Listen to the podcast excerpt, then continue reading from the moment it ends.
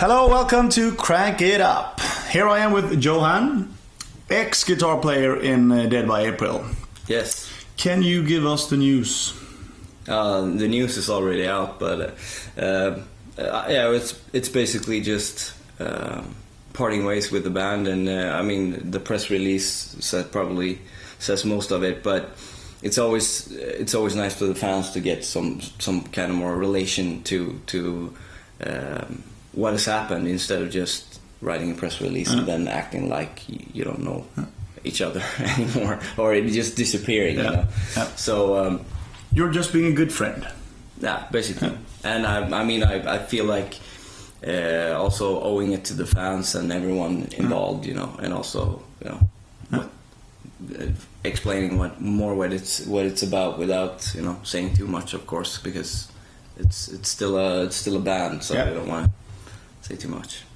So you are going to do something new now? Yes, uh, or, I'm going to continue doing a lot of things that I've been doing before, like my, my clothing company and some other bands and projects uh, that I've been doing. Uh, got some stuff coming up, so but that'll probably be in in a couple of months, and uh, some uh, old school metal and uh, some more rock stuff, more more of the stuff that I grew up listening to, and more like where my heart basically is. And I mean, I've loved doing Dead by April, but uh, I mean, I haven't been really been that involved in the songwriting process, and I feel like I want to do something uh, of my own, and that tends to lead to thrash and death metal, and, and more like punk and rock influences.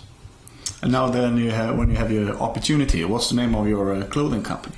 Uh, Sucker Punch. It's uh, it's like street and fight and rock and roll clothing basically. Uh, so um, it's only available in Sweden right now, but uh, hopefully it will expand. So that that has taken up more and more of my time as well. So Cool. um, uh, it's a lot of fun doing that, and and uh, so yeah. Oh, cool. Anything you want to say to the fans? The final. Uh, nothing, nothing more than just a, a huge thanks for everyone who's, who's uh, made these three years amazing and uh, all the stuff uh, they've given, you know, and all the fans, the sponsors, and everyone who's been involved in, in, in helping me and the band uh, achieve what we did because it's it's been awesome. So thanks a lot. cool. Good luck in the future. Thank you.